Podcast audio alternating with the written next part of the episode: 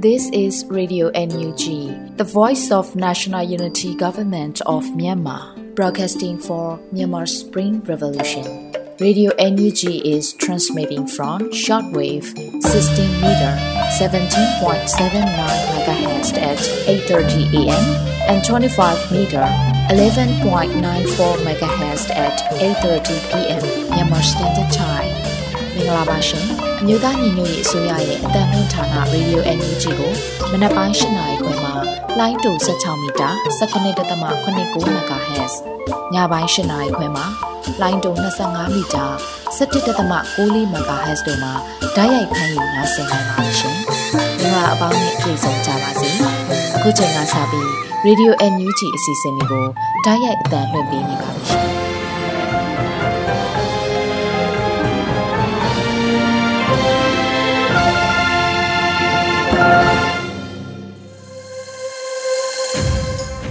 မြန်မာနိုင်ငံသူနိုင်ငံသားအပေါင်းတဘာဝပြီးဆရာနာရှင်ပေတို့ကနေကင်းဝေးပြီးကိုစိတ်နှစ်ပါးဘေးကင်းလုံခြုံကြပါစေလို့ဗီဒီယိုအန်ယူဂျီဖွယ်သားများကဆုတောင်းမြတ်တာပို့သလာရပါတယ်ရှင်။အခုချိန်ကစပြီးပြည်တွင်းသတင်းများကိုတော့လွေဦးမောင်မှဖတ်ကြားတင်ပြပေးပါမယ်။မင်္ဂလာပါခင်ဗျာ။ယခုချိန်ကစပြီး Radio NUG ညနေခင်းသတင်းများကိုဖတ်ကြားတင်ပြပေးပါတော့မယ်။ယခုတင်ပြပေးမယ့်သတင်းတွေကတော့ Radio NUG သတင်းတာဝန်ခံတွေနဲ့ခိုင်လုံသောမိဖက်သတင်းရင်းမြစ်တွေမှအခြေခံထားတာဖြစ်ပါတယ်။ကျွန်တော်ကတော့ຫນွေဦးမောင်ပါခင်ဗျာ။ယခုပထမဦးဆုံးတင်ဆက်ပေးမယ့်သတင်းကတော့ American နိုင်ငံသားဝန်ကြီးဌာနအထူးအကြံပေး Mr. Sholan နဲ့လူအခွင့်ရေးရာဝန်ကြီးဦးအောင်မျိုးမင်းတို့တွေ့ဆုံဆွေးနွေးခဲ့တဲ့သတင်းကိုတင်ဆက်ပေးပါမယ်။ American နိုင်ငံသားဝန်ကြီးဌာနအထူးအကြံပေး Mr. Sholan နဲ့လူအခွင့်ရေးရာဝန်ကြီးဦးအောင်မျိုးမင်းတို့ တွေ့ဆုံဆွေးနွေးခဲ့တယ်လို့ဧပြီလ9ရက်နေ့မှာအမျိုးသားညီညွတ်ရေးအစိုးရလူအခွင့်ရေးရာဝန်ကြီးဦးအောင်မျိုးမင်းကဆိုပါတယ်။ American နိုင်ငံသားဝန်ကြီးဌာနအထူးကြံပေး Mr. Sholan နဲ့တွေ့ဆုံပြီးဆွေးနွေးရမှာမြန်မာနိုင်ငံဒီမိုကရေစီအရေးအတွက်ဘုံမကူညီလှုပ်ဆောင်မဲ့အကြောင်းနဲ့အကြမ်းဖက်စစ်ကောင်စီရဲ့ရာဇဝဲမှုကျူးလွန်မှုတွေအပေါ်တရားမျှတစွာဖော်ဆောင်နိုင်ဖို့မြန်မာပြည်သူတွေအတွက်ကြိုးပမ်းသွားမယ့်အကြောင်းတင်ပြသွားပါတယ်။တရင်ကောင်းတွေထပ်မံကြားကြရအောင်ပါပါလို့ဝန်ကြီးကဆိုပါတယ်။ American နိုင်ငံမှာအမျိုးသားညီညွတ်ရေးအစိုးရကိုယ်စားလှယ်အဖွဲ့ဟာရောက်ရှိနေပြီးတော့မြန်မာနိုင်ငံအရေးမှာကူညီဆောင်ရွက်နိုင်မယ့်အကြောင်းအရာများကိုအသားပေးဆွေးနွေးလျက်ရှိရလို့သိရပါတယ်ခင်ဗျာဆက်လက်ပြီး American Dollar နဲ့လဲလှယ်ရာမြန်မာကျပ်ငွေတန်ဖိုးကျသည့်အတွက်အစိုးသက်ရောက်ခဲ့ကြောင်းကမ္ဘာ့ဘဏ်စစ်တမ်းကိုမြန်မာစီးပွားရေးလုပ်ငန်း58ရာခိုင်နှုန်းကဖြေဆိုခဲ့ပါတယ်။ American Dollar နဲ့လဲလှယ်ခဲ့ရာမြန်မာကျပ်ငွေတန်ဖိုးကျသည့်အတွက် လုပ်ငန်းလည်ပတ်မှုနဲ့လုပ်ငန်းစွမ်းဆောင်ရည်အပေါ်အစိုးသက်ရောက်ခဲ့ကြောင်းကမ္ဘာ့ဘဏ်စစ်တမ်းကိုမြန်မာစီးပွားရေးလုပ်ငန်း58ရာခိုင်နှုန်းကဖြေဆိုခဲ့တယ်လို့ဧပြီလအတွင်းမှာကမ္ဘာ့ဘဏ်စစ်တမ်းများထုတ်ပြန်ချက်အရသိရပါတယ်။၎င်းစစ်တမ်းအားကမ္ဘာ့ဘဏ်ကတနိုင်ငံလုံးအတိုင်းအတာဖြင့်ကောက်ယူသည့်စီးပွားရေးလုပ်ငန်းများစစ်တမ်းဖြစ်ပြီးတော့လာမယ့်3လအတွင်းလုပ်ငန်းအပိပိတ်သိမ်းသွားမည်ဟုစစ်တမ်းတွေဖြေဆိုကြသည့်လုပ်ငန်းများ၏ပမာဏမှာ300ခန့်နှုန်းရှိတယ်လို့သိရပါတယ်။ ဒီဇင်ဘာ2021တွင် American Dollar နဲ့လဲလှယ်ခဲ့ရာမြန်မာကျပ်ငွေတန်ဖိုးကျသည့်အတွက်လုပ်ငန်းလည်ပတ်မှုနဲ့လုပ်ငန်းစွမ်းဆောင်ရည်အပေါ်အစိုးသက်ရောက်ခဲ့ကြောင်းစစ်တမ်းကောက်ယူရာတွင်အပြေပေးခဲ့သည့်လုပ်ငန်းများ၏အရေးအတွက်ရာဂိုင်နှုန်းမှာ58ရာဂိုင်နှုန်းရှိခဲ့ပါတယ်။လက်ရှိမှာစစ်ကောင်စီထောက်ခံတဲ့လုပ်ငန်းရှင်များပါစစ်ကောင်စီရဲ့မူဝါဒအပြောင်းအလဲကြောင့်ပိုင်ဆိုင်မှုများထိခိုက်နစ်နာဆုံးရှုံးရရှိရလို့စုံစမ်းသိရှိရပါတယ်ခင်ဗျာ ဆက်လက်ပြီးစစ်ကောင်စီတပ်များမကွေးတိုင်းအနောက်ဘက်ကိုထိုးစစ်စတင်နေကလေရင်များနဲ့ပြစ်ခတ်၍ရွာပေါင်း9ရွာမှလူဦးရေရာနဲ့ချီထွက်ပြေးတိမ်းရှောင်နေရတဲ့တဲ့တင်ကိုတင်ဆက်ပေးပါမယ်။ဧပြီလ9ရက်နေ့မှာစစ်ကောင်စီတပ်များရဲ့မှွေနောက်တောင်းကျမ်းမှုများနဲ့အတူမကွေးတိုင်းအနောက်ဘက်ကိုထိုးစစ်စတင်နေကလေရင်များနဲ့ပြစ်ခတ်၍ရွာပေါင်း9ရွာမှလူဦးရေရာနဲ့ချီထွက်ပြေးတိမ်းရှောင်နေရတယ်လို့မကွေးလူလူတိုက်ပွဲကော်မတီကဆိုခဲ့ပါတယ်။ ဧပြီလ9ရက်ခရဲကထိုးစစ်စတင်ခဲ့တာဖြစ်ပြီးဧပြီလ6ရက်မနက်9နာရီမှာတော့ဒေသခံပြည်သူကာကွယ်ရေးတပ်ဖွဲ့တွေနဲ့ရင်ဆိုင်တိုက်ပွဲများဇက်တိုက်ဖြစ်ခဲ့ကြတယ်လို့ဆိုပါတယ်။အကြမ်းဖက်စစ်အုပ်စုဟာလူအင်အား600ကျော်ရှိတဲ့တာလွန်အင်အားသုံးပြီးတော့ထိုးစစ်ဆင်ခဲ့ကြရုံသာမကစစ်ရဟတ်ရင်နှစီ Jet Fighter တစ်စီးနဲ့မြေပြင်လက်နက်ကြီးတွေတုံးပြီးပြင်းပြင်းထန်ထန်တိုက်ခိုက်ခဲ့တာပဲဖြစ်ပါတယ်။တိုက်ခိုက်ခဲ့တဲ့ဖြစ်စဉ်တွေမှာအကြမ်းဖက်စစ်အုပ်စုဟာ ဒေဒေသခံကျေးလက်နေပြည်သူတွေနေထိုင်တဲ့စေတုတ်တရားမြို့နယ်တက်ကဲချင်းရွာရဲ့အနောက်ဘက်ကိုလက်နက်ကြီးတွေနဲ့အဆက်မပြတ်ပစ်ခတ်ခဲ့ပြီးငဖဲမြို့နယ်အတွင်းကခါကျင်ရွာနဲ့ရှစ်ခုရွာတို့ကိုမီးရှို့ဖျက်ဆီးခဲ့ကြပါတယ်။တစ်ဆက်တည်းမှာပဲအနီးဝန်းကျင်ကျေးရွာ၅ခုကစစ်ရှောင်းမိသားစု150ကျော်တို့စစ်ဘေးသင့်ပြီးထွက်ပြေးတိမ်းရှောင်နေကြရတယ်လို့သိရပါတယ်ခင်ဗျာ။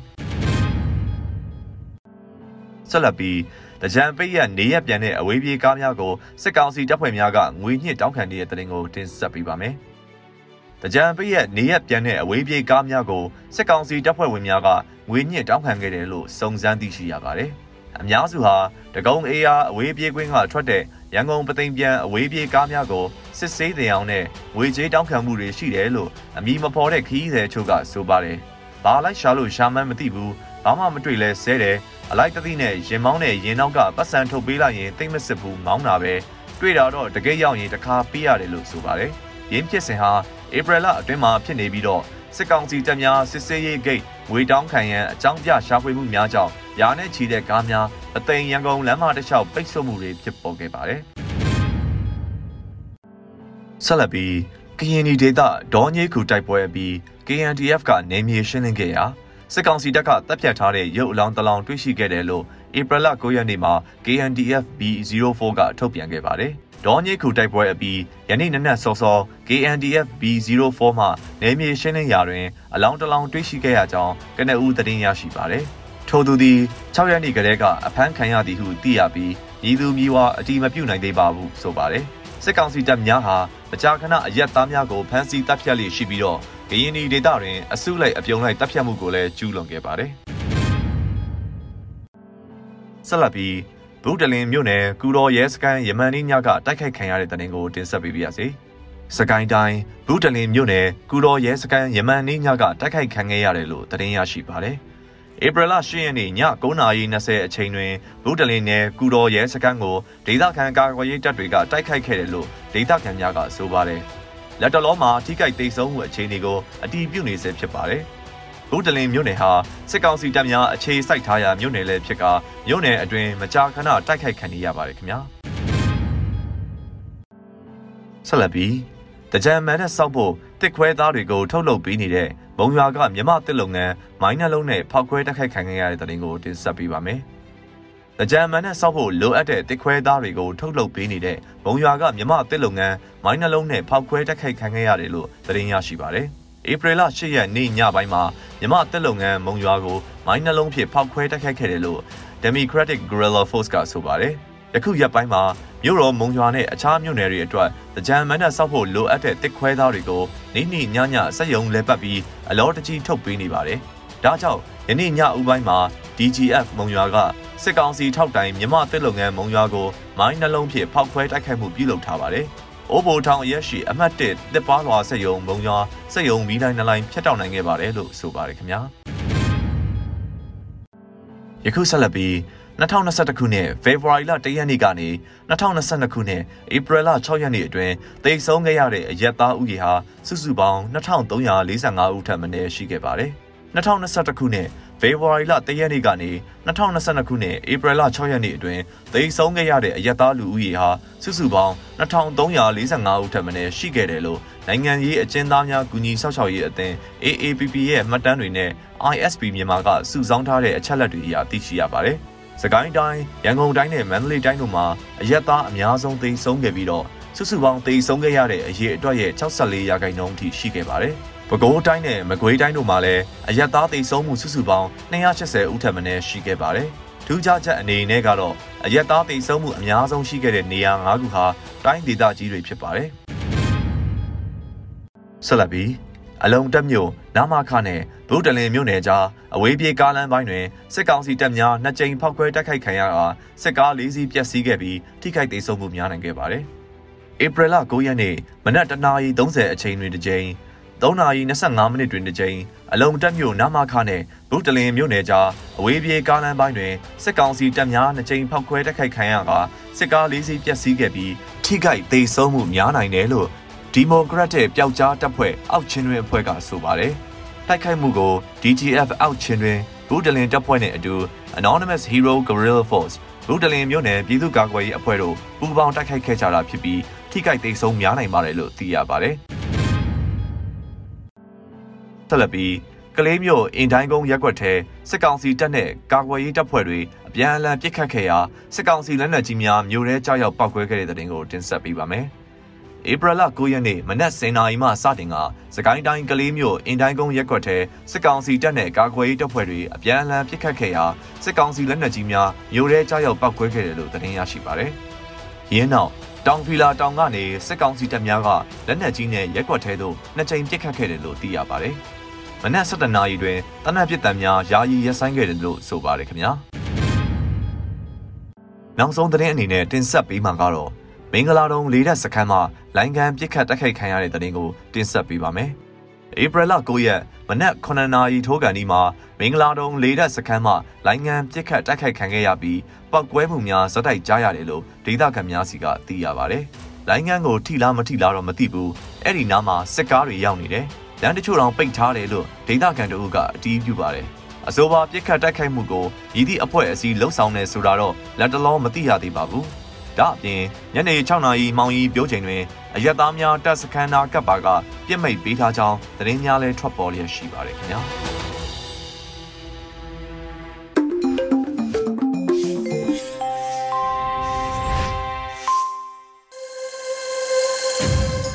ဗီဒီယိုအန်ယူဂျီရဲ့ညပိုင်းစီစဉ်လေးကိုဆက်လက်တင်ပြနေပါတယ်။ဒီနေ့ရဲ့တော်လှန်ရေးကြပြစီစဉ်မှာတော့အန်နူလာရေးသားထားတဲ့ကိုအန်နူလာ ခမားငရဲပြည်ရောက်ဘူးလားဆိုတဲ့တော်လှန်ရေးကြပြကိုတော့ဝေဦးမှုမှဖက်ကြားတင်ပြထားပါရရှင်။ကိုအန်နိုလာခမားငရဲပြည်ရောက်ဘူးလားအစုလိုက်အပြုံလိုက်မဒိန်ကျင့်ပြီးတက်ပစ်ခံရတဲ့တဲ့ခမားမကြားရသေးခင်အထီတော့ခမားအိတ်တဲ့အိယာဆိုတာမြတ်တလွန်နဲ့ဂတိပါကော်စောပေါ်မှာပေါ့ကိုအန်နိုလာ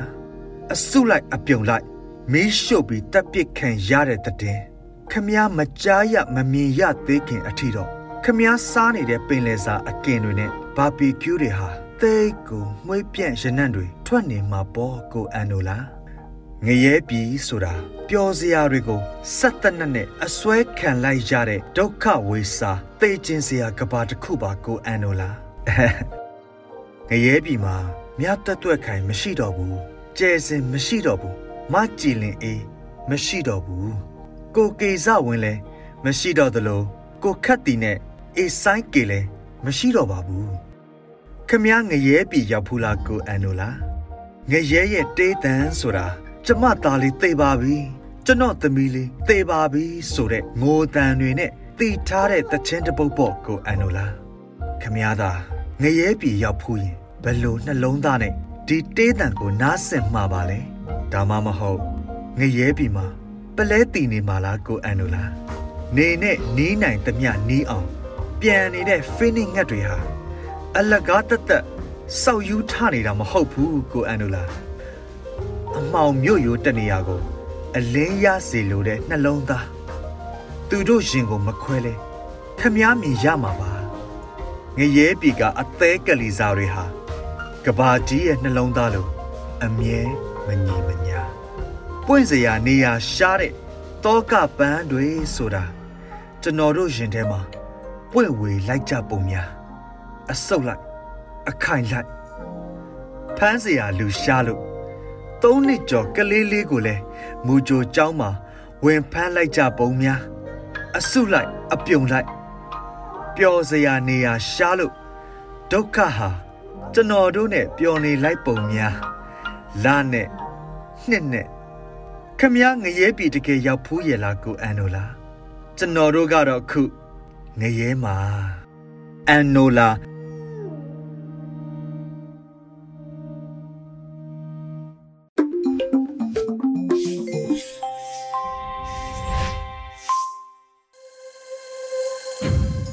ရေဒီယိုအန်ယူဂျီမှာဆက်လက်တမ်းနှင်ပေးနေပါတယ်။အခုဆက်လက်ပြီးစီရီယန်တအူးရဲ့ဘဝဖြတ်တန်းမှု အပိုင်း၁၈ကိုလွေဦးမိုင်မှတင်ဆက်ပေးပါတော့မယ်ရှင်။မင်္ဂလာပါရှင်ပထမဆုံးအနေနဲ့ဘလို့ဌာနမျိုးမှာအလုပ်လုပ်ခဲ့ပါသလဲဆိုတာနဲ့ CDM လုပ်ဖြစ်ခဲ့တဲ့ပုံလေးကိုသိပြစေရှင်တရနေ့တွေကအာနာသိမ်းသွားပြီးတဲ့ကလုံးဝကိုလုံနေတဲ့အလုပ်သူတို့လက်အောက်ရောက်သွားပြီဆိုတာသိလိုက်ရတဲ့အချိန်နဲ့မလောက်ကိုမလောက်ချင်တော့တာပါဒါပေမဲ့အချိန်နေမသိသေးတဲ့အတွက်ရုံးတော့သွားရပါတယ် လေးရက်နေရနေစပြီးတော့လုံးဝမသွားတော့ပါဘူးကိုယ်အလုပ်လုပ်ခဲ့တဲ့နေရာကိုအရန်ကို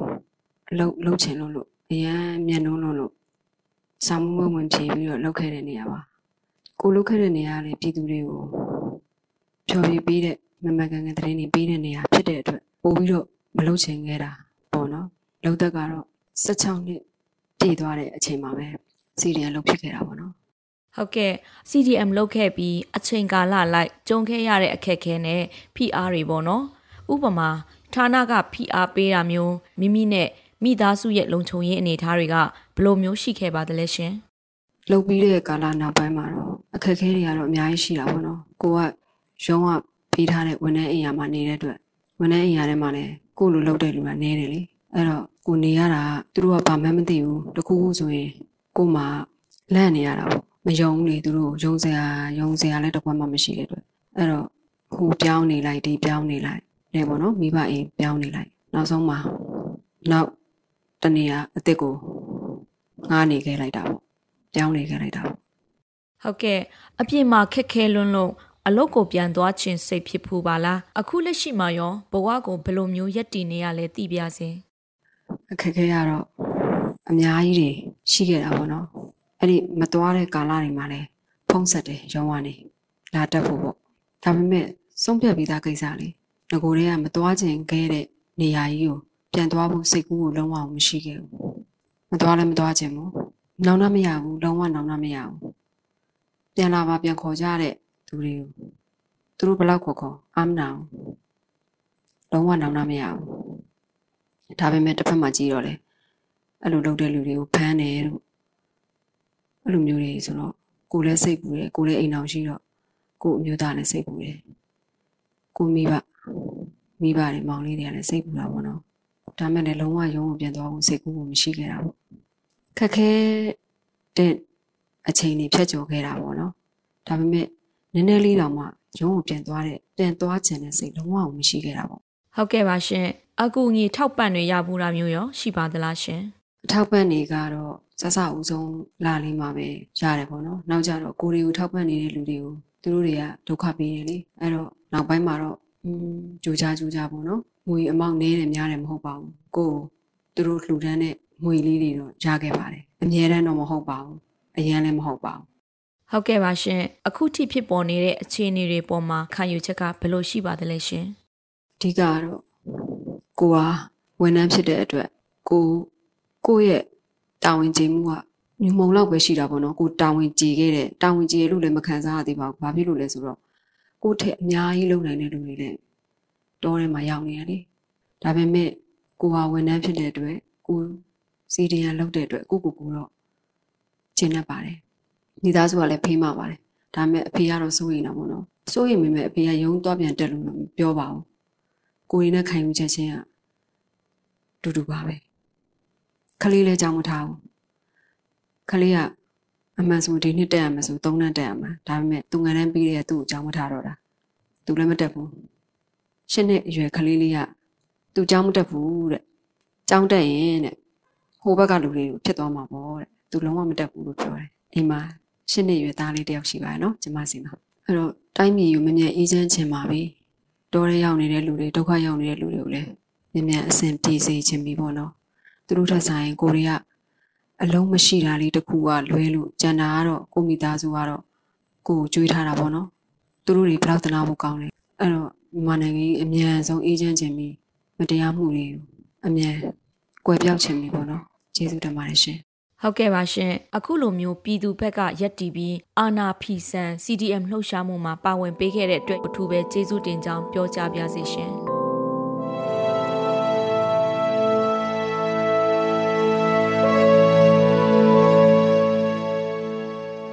ရေဒီယိုအန်ယူဂျီရဲ့ညပိုင်းအစီအစဉ်မှာတော်လှန်ရေးတေးဂီတာအနေနဲ့လမ်းလို့အမည်ရတဲ့တော်လှန်ရေးတေးဂီတာကိုထိန်လင်းကရေးသားပြီးတာချိုစုကတည်ဆိုထားပါတယ်ရှင်။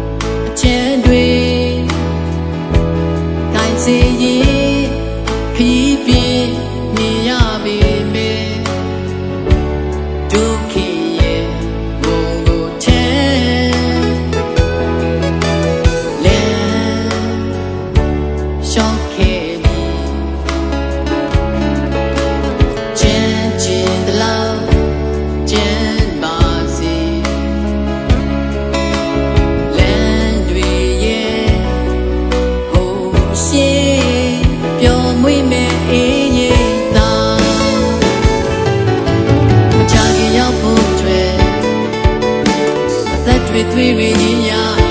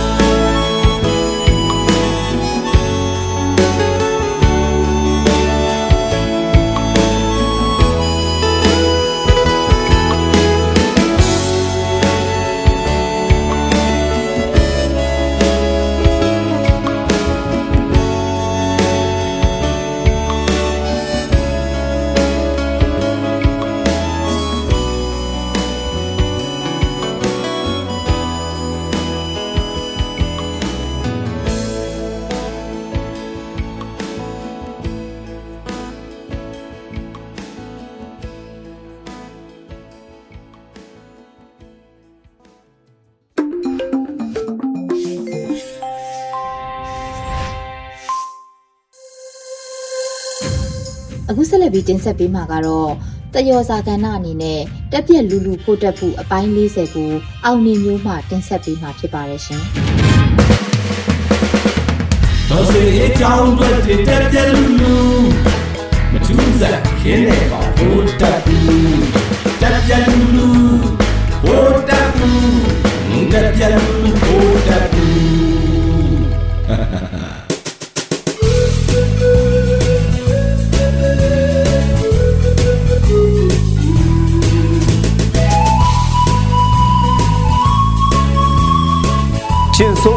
ဆင်းလူတော်ကိုငါကင်တုတ်နေတဲ့အယူလိုပဲဖះကိုသွားဆဲနေလို့ယူနေတာလားဆိုတော့ဒီကောင်ကငါပြောင်ပြနေလို့ဆဲနေတာကွာငါမြန်အယူမှတ်နေလားဆိုပြီးတောက်ချိုးချိုးမဲ့ပုံပဲအဲ့တော့ကြံမိကြံရကြောင်ကြောက်ချားနဲ့ဘောင်မဝင်ကြက်မပြည့်တဲ့အကွက်တွေကြီးပဲထုတ်သုံးနေလေရဲ့လေအခုလက်ကြည့်ပြည်သူအချစ်တော်ဥကြော်နဲ့ဒေါင်းပါဝင်ငါတို့လူတော်တော်များများကိုနိုင်ငံသားအဖြစ်ကနေရက်စဲတယ်ဆိုပဲ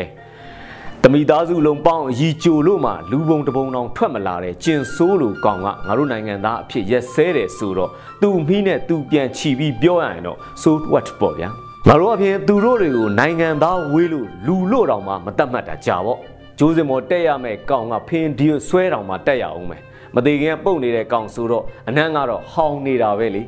ဒါနဲ့စခန်းစွန့်ခွာမပြေးရလက်နက်မချရတဲ့အောက်လိုက်ငယ်သားတွေကိုခေါင်းဆောင်ကောင်းပီသားစွာနဲ့ကိုပေးနေတဲ့တစ်ချက်လို့အမိတ်နေပြီကြံရည်သူခေါင်ငတွေးတဲ့ခေါင်းဆောင်ကြီးအခွက်ကိုဆက်ပြန်တဲ့ဝိုင်းပုတ်လောက်တဲ့မူဒီတွေပဲ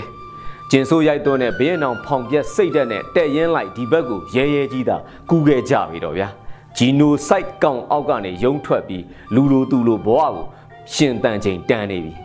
အခုဆိုပြည်သူရင်ဝင်ခိုးလုံလာတဲ့စစ်သားရဲသားပေါင်းကတထောင်ကျော်နေပြီတဲ့ဒါတော့မှစည်ရင်ဝင်အင်းဝင်အခြေအနေရတင့်ရပုံးရှောင်နေရတဲ့သူတွေမပါသေးဘူးဝယ်မဲကတော့အော်စီကိုတောင်လှမ်းဟောင်နေရပြီငါစာအေးကန့်ကွက်ထားတယ်နင်းမဖတ်မကြည့်ပဲဆိုပဲငိုတံပါကြီးနဲ့ကိုအောနေပြီလေအော်စီကဗီဇာနဲ့နိုင်ငံရေးအမျက်ထုတ်နေတဲ့လို့ပြောနေလေရဲ့ဟောင်ရဲ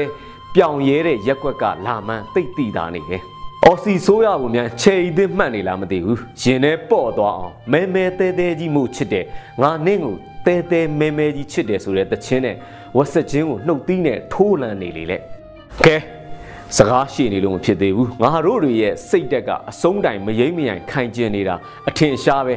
မြေပြင်နဲ့မကဘဝင်ထိဝင်ကြွားပြန်တက်နေရလိမ့်မယ်ငှက်ပြေပဇွန်းပြစ်လေရာပြစ်တွေနဲ့လာတော့မယ်လေ48နာရီမှာသိန်း1000နီးပါးတောင်ရလိုက်တဲ့ပြည်သူတွေရဲ့စန္ဒအဓိပတိကိုတစ်ချက်ရှိုးပြီးသဘောပါပေါက်တင်နေပြီလက်ရှိအနေအထားမှာနာမည်ပေါက်နေတဲ့တထေးငယ်အများစု90ရာခိုင်နှုန်းလောက်ကဒေါ်လာကြီးမှာတပြားတစ်ချက်မှဝင်ပြီးမကူနိုင်ကြသေးဘူးဒီလူဒန်းစားတွေက complaint တက်နေပြန်တယ်သူတို့လှူခြင်းတော်ညာလဲလှူလိုက်တာကိုစစ်ကောင်စီကမိသွားရင်ဘယ်လိုလုပ်မလဲတဲ့ 20ခွန်မြင်းဆောင်၄အမြဲတမ်းစောင့်ကြည့်နေတဲ့မရေကြီးအောက်ကနေတော့မှမရေငယ်များကိုအန်းနိုင်မျိုးစိချနိုင်သေးတာပဲ။ over စီးမှာတော့မှမရေငယ်ကိုဒိတ်နိုင်သေးတာပဲလေ။ဘယ်တထေးမှာဆောက်ယူဆိုတာမရှိဘူး။ယူကြအောင်စောင်းနေတဲ့တထေးပဲရှိတယ်။ဒိုင်ရှိုပြီးဘုံဝယ်ဖို့ဘာမှန်းခတ်လို့လဲ။အိမ်မှာပတ်စံတွေခန်းလုံးပြည့်တိမ့်ထားတယ်။နိုင်ငံခြားဘဏ်တွေမှာလည်းပတ်စံတွေအပ်ထားကြတာပဲ။ဘယ်နဲ့တော်လန်ရေးအတွက်ကြမှာလှူပါဆိုမှသားကြောက်ပါပြီလုပ်နေကြတာလေ။အန်အောလို့တော့သေတော့မယ် ဖျားတီကြောင်းဆောက်အလှကြတော့လမ်မနေဆိုပဲစစ်ဖြစ်နေတဲ့တိုင်းပြည်မှာပကာတနနဲ့အသားတဲ့အသားထိုးထဲတဲ့ကိစ္စပဲငွေကုန်ခံကျင်တဲ့အဲ့ဒီ elite တွေကို NUG နေနဲ့ဝန်တိန်တော့ပေးတင်နေပြီဒေါ်လာရေးအောင်တော့မှဟီဟီဟဲဟဲတွေထွက်လာလို့လို့ကတော့လှူပြလို့ကတော့လေဘင်းတွေကြီးပဲ BJ ပေးခိုင်းပလိုက်မယ်လိုအပ်နေတာကအခုချိန် မိသားစုလိုက်နိုင်ငံသားမှာထွက်ပြီးตาယာနေတယ်ခီးထွက်ကြတယ်ကလေးတွေကိုကမ္ဘာကောင်းပြီဆိုတဲ့ကြောင်းတွေမှာထားတယ်တလားတလားဒေါ်လာတောင်းချီဘိုင်သေးအောင်ဖြုံးနေကြတာလေအငိန်စရာတွေလုပ်နေကြတာလှူပါအောင်လားဆိုတော့အတိတ်မေ့တယ်လို့လို့ရွှေပြောက်တယ်လို့လုပ်နေကြပြီမသိရင်စစ်ကောင်စီကပဲစင်းပြပြီးငွေသုံးနေရတဲ့အပေါက်လှူမိရင်မင်းအွန်လိုင်းကပဲတန်းတီးပြီးအထာမျိုးနဲ့ပန်းနုသွေလုတ်ပြနေကြတာလေဒင်းတို့ပကာသနာတပွဲစာ မရေငယ်တယောက်အန်းစာရဲ့30ရာခိုင်နှုန်းလောက်ကဘုံဝယ်အခွန်ဆောင်လိုက်ရင်တော်လန်ရေးအရှိန်ကဝုန်းကနေဆိုတက်သွားလိမ့်မယ်ငွေပလုံမှမှုမလူခြင်းဘူးလားတစ်ချိန်ပြန်ရမယ်ဘုံဝယ်ဘုံမဝယ်ခြင်းဘူးလားကို့လုပ်ငန်းနာမည်နဲ့အခွန်ဆောင်တာအခွန်လည်းမဆောင်ခြင်းဘူးလားကျင်ဆိုးနဲ့ကျိုးစင်တာလိုက်သွားကြပြီတော့အရေးတော်ပုံကဒင်းတို့မပါလဲအောင်ကိုအောင်ပြီ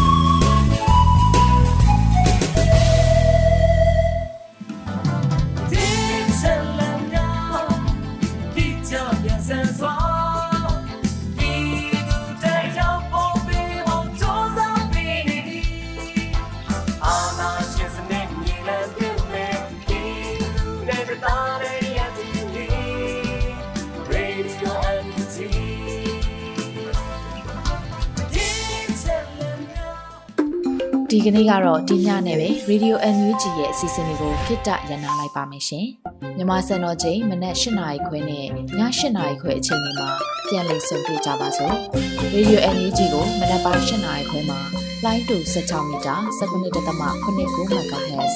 ညပိုင်း၈နာရီခွဲမှာလိုင်းတူ25မီတာ17.6 MHz တို့မှာဓာတ်ရိုက်ဖမ်းလို့နိုင်စေနိုင်ပါပြီ။ မြန်မာနိုင်ငံသူနိုင်ငံသားတွေကိုစိတ်နှပြ